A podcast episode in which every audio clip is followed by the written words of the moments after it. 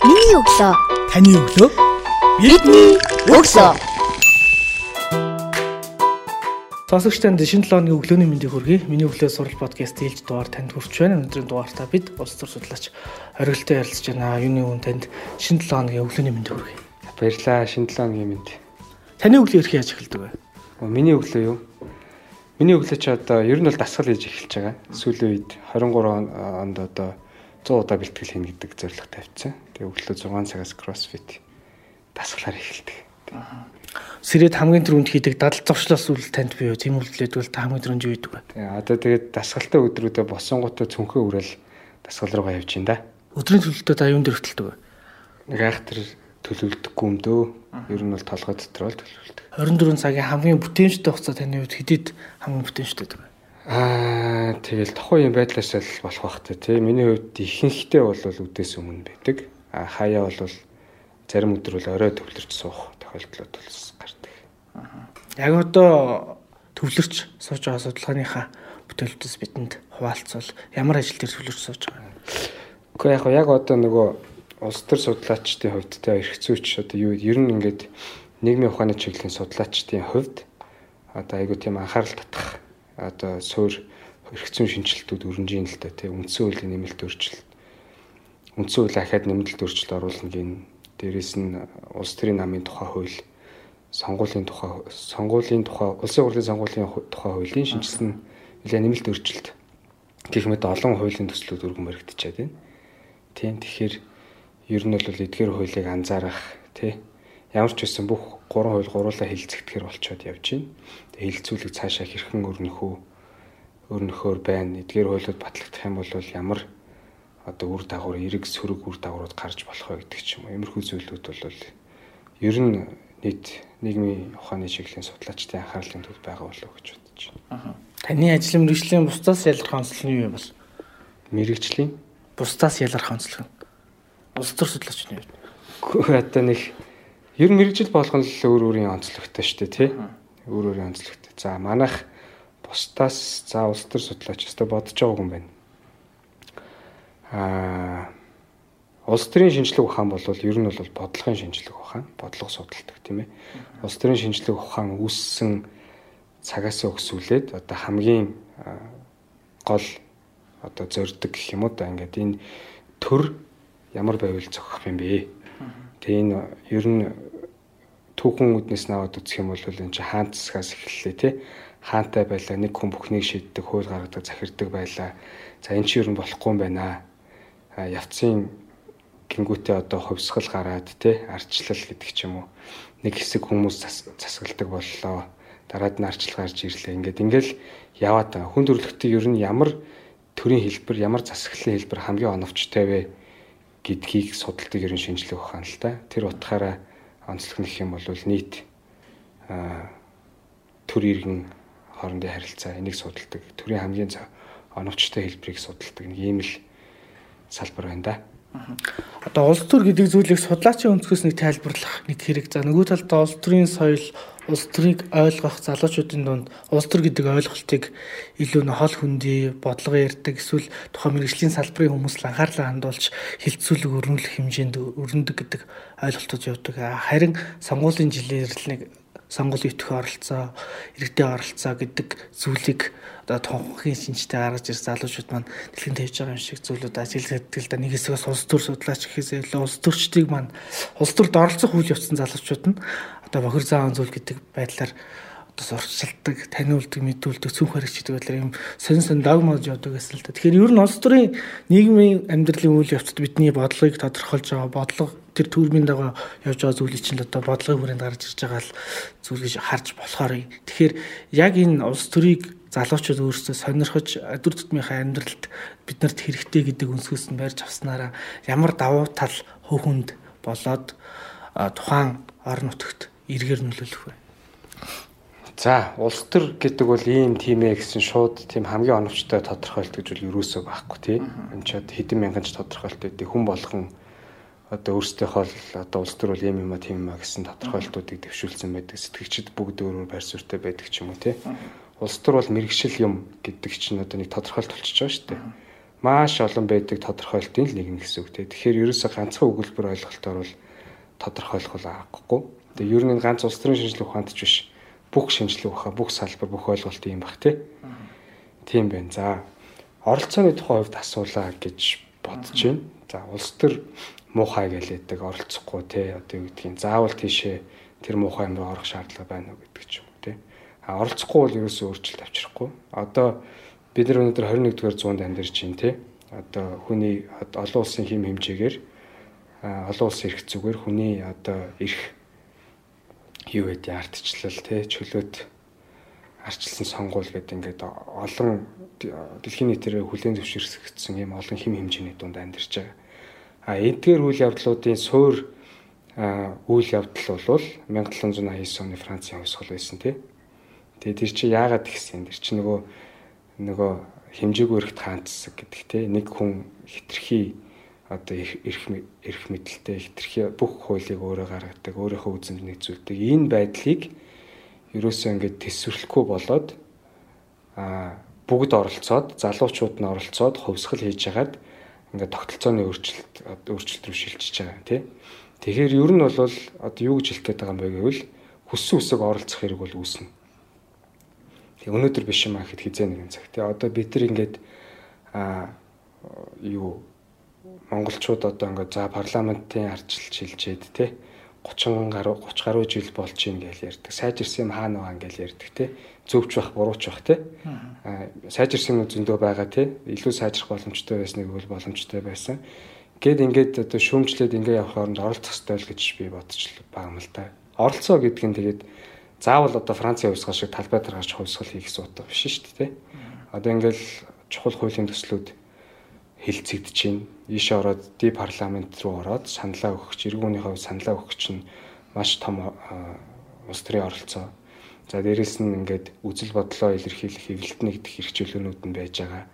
А үгүй ядахнаа ингээд үзэл бодлоо чөлөөтэй илэрхийлж байгаа нэг нэгээ одоо бүлийдэхгүй байх чинь хүртэл оролцоо За бүр сонгуульд нэр дэвшээд ингээ улс төрийн амбиц хөөгд явдаггүй маа гэхэд сонгуульдаа идэвхтэй оролцох тий эргүүнийхээ хувьд одоо юу гэдгийг аль нам аль нэр дэвшигч нь хамгийн боломжтой гэдгээ судалж агаад шийдвэр гаргах сонгуульд оролцох энэ бүхэн чинь л одоо оролцоол гэж хараад байгаа юм л та. Тэгэхээр та сая нэг нийгмийн салбарын шинжилгээ ухааны одоо судлаачдын хувьд анхаарал ятж байгаа чухал хуулийн төслүүд энэ цаг үед хилцэгдэж байна гэд таны ажиглалтаар ер нь энэ гурван хуулийн төсөл төр одоо хамгийн анхаарал татж байгаа өөрчлөлтүүд юу ажиглагдаж байна? За, юуг л яриа те. А үндсэн хуулийн нэмэлт өөрчлөлтийг бол төр орхичээ. За. Яг тэгэхээр би үндсэн хууль яг нөгөө эрх зүйчид шиг те хууль судлаачид шиг тийм нарийн ширээ мэдхгүй. А ямар ч байсан дөрвөн зүйл одоо нэг гişүүдийн тоог өөрчлөх нь л гол асуудал юм шиг байгаа юм тийм. Энд дээр бол зөв буруу гэсэн маш олон байр суурь байгаа. За, улс төрийн намын тухай сонгуулийн тухай хууль. Тэгээд сонгуулийн тухай бол бид нар ингээд 8 удаа 92 оноос хойш 8 удаа арчилсан сонгуул хийсэн тий. Долоод нь мажоритар тогтолцоогоор явуулсан. Ганцхан удаа 2012 онд холимог тогтолцоо хэрэгжилж үзсэн. Гэхдээ холимог тогтолцооных нь одоо хувь тэнцвүүлсэн буюу пропорционал элемент нь их бага 28 гишүүнийг сонгосон гэсэн. За ингээд яваад тахлаар үндсэндээ мажоритар тогтолцоо маань өөрөө яадаг юм бэ гэдэг тэгэхээр илүү ингээд тойргийн улс төрчдийг бий болгодог, илүү мөнгөний хүчин зүйл шаарддаг. За сул тал сул талууд зөндөө гихмит сул талууд зөндөө байгаа. Дээрээс нь сонгогчдын санал гээгдэж гэдэг ч юм уу. Маш олон тийм сул талууд байгаа. За тэгэнгүүт нөгөө талаараа пропорционал систем нь бас давуу талтай сул талтай тий. А давуу тал нь мэдээ сонгогчдын одоо санал гээгдэхгүй гэдэг ч юм уу. За сул талч гэсэн зөндөө байгаа. Тэгэнгүүт энэ хоёрыг энэ хоёр үндсэн сонгуулийн тогтолцооны аль альныхаа сул талыг багасгах давуу талыг нь илүү ашиглах зорилгоор холимог тогтолцоо ингээд хольж хэрэгэлдэг ийм сонгуулийн систем үүссэн байгаа шүү дээ. Тэгээ манайх бол үндсэн өнгөрсөн сонгуулийн хугацаануудад өнгөрсөн бүх сонгуулиар одоо дийлэнх дээр мажоритар тогтолцоогоор явсан. Сул талаа нөхөөл гэдэг шийдэлд хүрсэн гэж би ойлгоод байгаа. Тэгээ 50 50% одоо хоёр хуулийн төсөл явж байгаа тий нэг нэг хуулийн төсөл дээр нь болохоор а 50 50 хувиар холлыг хийж байгаа. Нөгөөх дээр нь 40 60 байна уу? 48 суудал 28 суудал гэж холлыг хийдэг ч юм иймэрхүү байр суурьтай байгаа. Ямар ч байсан одоо пропорционал элемент оруулж ирсэн холимог тогтолцоотой болж байгаа гэдэг нь бол маш давуу тал биш ээ. Анхаарал төвд байгаа. Энэ гэхдээ яг давуу тал гэж би бол бодож байгаа. За хоёрдугаарт нь те одоо энэ улс төрийн намын тухай хууль. Улс төрийн намын тухай л одоо ингээд судалгаагаар те хамгийн их авилгачсан гэдэг ч юм уу. За залуучууд ямар институцид хамгийн их одоо итгэдэггүй вэ? Итгэл даадаггүй институц гэд нэрлэнгүүд одоо хамгийн ёроолт нь улс төрийн намууд явж байгаа те. Улс төрийн намаас залхацсан. Улс төрийн намууд нэр хүндгүй улс төрчид нэр хүндгүй ийм үе бол байгаа. Тэгээ улс төрийн нам муу гэд тэгээд яах юм те? Улс төрийн намгүй бид нэр амьдарч одоо амьдрах арга байхгүй шүү дээ. Улс төрийн нам оролцохгүй хэн өрсөлдөхгүй хэн сонгуульд нэр дэвших юм те? 76 бигдагч байх юм уу гэдэг ч юм ингээд. Энэ бол өөрөө намгүй байх нь бол өөрөө боломжгүй. Тэгэхээр бид нар намыг сайжруулах хэрэгтэй, төлөвшүүлэх хэрэгтэй. Тэгээ одоо байгаа улс төрийн намын тухай хууль чинь 2005 онд батлагдсан. Тэрнээс өмнө 90 онд анх анхны хууль батлагдсан тийм. 2005 онд батлагдахдаа шинжилсэн хариулга батлагдахдаа төдийлөн одоо суур шинжил хийж чадаагүй гэж үздэг тийм. Тэгэхээр өнөөдөр бол зохицуулж байгаа харилцаа нь хуучирсан гэсэн ийм ойлголт байгаа. Тэгэхээр энэ улс төрийн намыг төлөвшүүлэхэд гол чухал зүйлүүдийг зүйлүүд бол яг одоогийн байгаа хуулийн төсөл дээр тусгацсан гэж байна. Одоо жишээ нь манай залуучууд ялангуяа бизнес эрхэлдэг, аж ахуй нэгж эрхэлдэг, тэ төрийн бас байгууллагатай ч юм уу залуучууд бол зовлонгийн аягүй сайн мэд. Нэг компани байгуулах, тамга тэмдэг авах бол амархан тэ. Үйл ажиллагаа явуулаад эхлэнгүүд ямар их юм тайлгнах хэрэгтэй болдог үлээ тэ. Санхүүгийн тайлан, татварын тайлан. За тэрийг тайлгнахгүй бол бөөн торгуул тооцоо ингээд бизнес эрхлэхэд хүнд байна, хүнд сурталтай татвар өндөр гэл ингээл байгаад идэх тэ.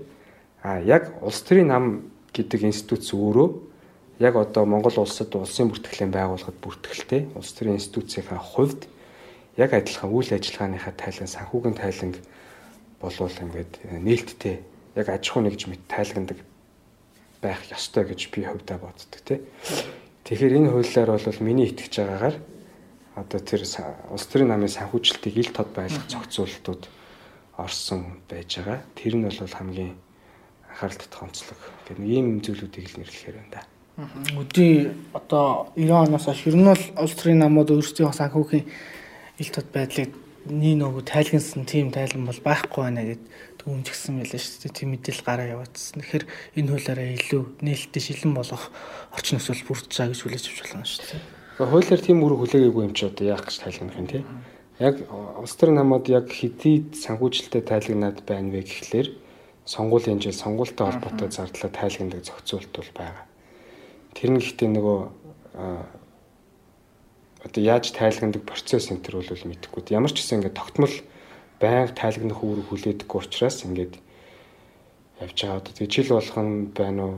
Жил болгон ингээд яг аж ахуй нэгжтэй адилхан л ингээд санхүү ямар санхүүжилтөд хаанаас орж ирсэн тэрнийг эрхэн зарцуулсан гэдэг одоо бүх мэдээлэл тод байж ээж болвол энэ өшгөний цаана байгаа гэдэг юм уу? Улс төрийн авилга буурахад эрг нөлөө үзүүлнэ гэсэн хүлээлт бол байна.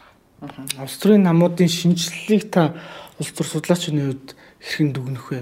Намнууд ер нь 90 оноос хойш анх ингээл гарч иж одоо арчилсан нам, ардын нам, Монгол ардын өсгөлт нам гэл иргэний зэрэг ногоо нам гэл нэлээд олон хүчнүүд намын эслүүдээс одоо л яг ардын нам, арчилсан нам, тэгээ хүн нам гэд болж байгаа шүү гэн тий. Улсын дэд шүүгүүд бүртгэлтэй 36 нам байгаа тий. 36 нам байгаа. Өнөөс болохоор улсын хурал суудалтайг бол 3 нам тий. Ингээд манайх нөгөө мажоритар тогтолцоогоор дийлэнх 7 сонгуулаа явуулсан гэдэг шүү дээ. Энэ мажоритар тогтолцоо нь өөрөө хоёр том намын төлөвшөл рүү түлхдэг ийм тогтолцоо. 100% мажоритар системтэй аль ч оронд үндсэндээ хоёр том нам төлөвшсөн байж байгаа. А пропорционал систем болоод ирэнгүүт арай 3-аас арай олон намын төлөвшлийг бий болгоход дэмждэг ийм систем. Тэгэхээр одоо манайд манай нэг ээлжил засаг барьсаар ирлээ те. Ялангуяа за дийлэнхтэй Монгол ардын нам те. Ялангуяа сүүлийн 2016 2020 оны сонгуулиар бол бүр хоёр дараалсан сонгуул дээр үнэлэхгүй яллаа. Тэгээд